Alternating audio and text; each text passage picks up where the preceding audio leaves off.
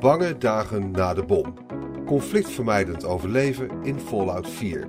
Geschreven door gastredacteur Mark Hoogland voor Laatscherm.nl. Ingesproken door Arjan Lindeboom.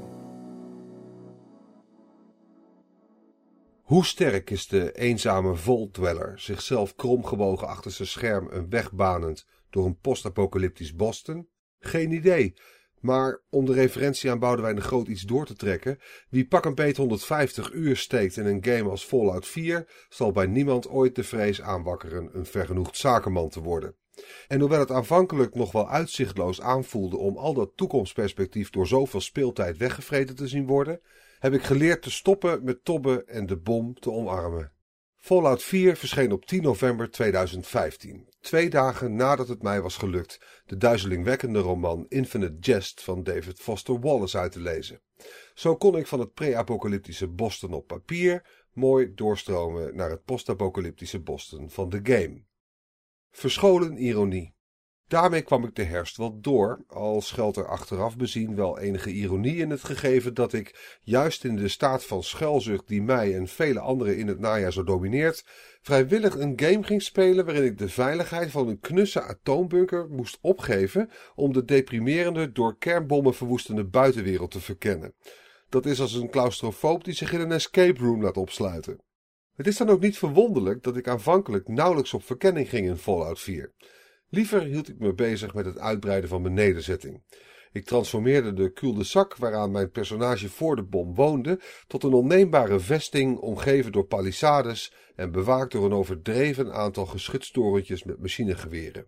Na het installeren van een radiotoren mocht ik bovendien nieuwe kolonisten verwelkomen, die ik met groot genoegen allerlei taken toebedeelde en voorzag van toffe outfits. Echt, de eerste 30 uur van Fallout 4 was ik eigenlijk gewoon The Sims After the Bomb aan het spelen. Interessant conflict. Uiteindelijk begonnen de nieuwsgierigheid en het opraken van mijn bouwmaterialen me parten te spelen. Ik moest erop uit. De ruïnes van Boston afstruinen. Ingestorte viaducten, geplunderde kantoren, overwoekende speeltuinen. Een en al gezelligheid. En je bent uiteraard verre van alleen. Was ik nog niet bijgekomen van de ontmoeting met een plots uit de grond opgedoken reuzenschorpioen, stuitte ik alweer op een gigantische mutant die zich in het stadspark bleek schuil te houden. Aangezien ik dus van nature nogal conflictvermijdend ben, specialiseer ik me in dit soort games altijd in de stealth benadering.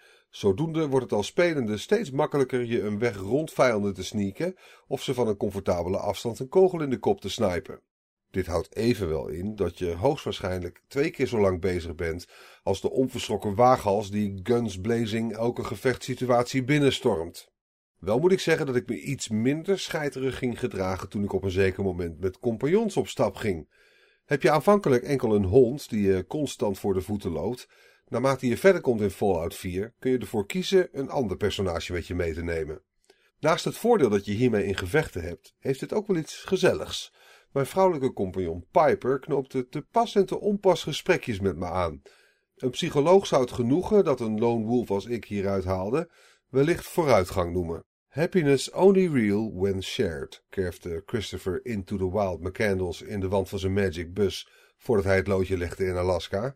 En die spreuk gaat kennelijk ook op voor Fear and Loathing in Post-Nuclear Boston, Massachusetts. Fruitautomaat met sigaretten. Ik overdrijf natuurlijk. Hoe meeslepend de wereld van Fallout 4 ook kan zijn, ik besefte heus wel dat ik met mijn muis en toetsenbord een klont pixels door een immens veld van textures aan het verplaatsen was.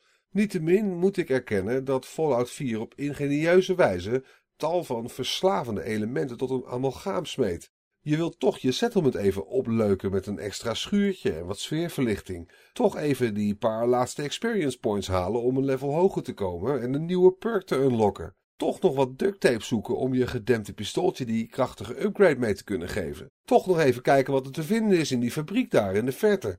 Toch nog even het respect van je compagnon opkrikken in de hoop dat er iets moois opbloeit. Fallout 4 is als een met bierkraan uitgeruste fruitautomaat die uitbetaalt in sigaretten. Voordat de bom valt. Na zo'n 150 uur beschouwde ik mezelf wel zo'n beetje klaar met Fallout 4. Er was uiteindelijk een moment gekomen waarop ik besloot de verhaallijn van de game maar eens te volgen, om na afloop daarvan te worden bevangen door een zekere tegenzin om verder te gaan. Wat nu? wat heeft dit postnucleaire leven nog voor zin?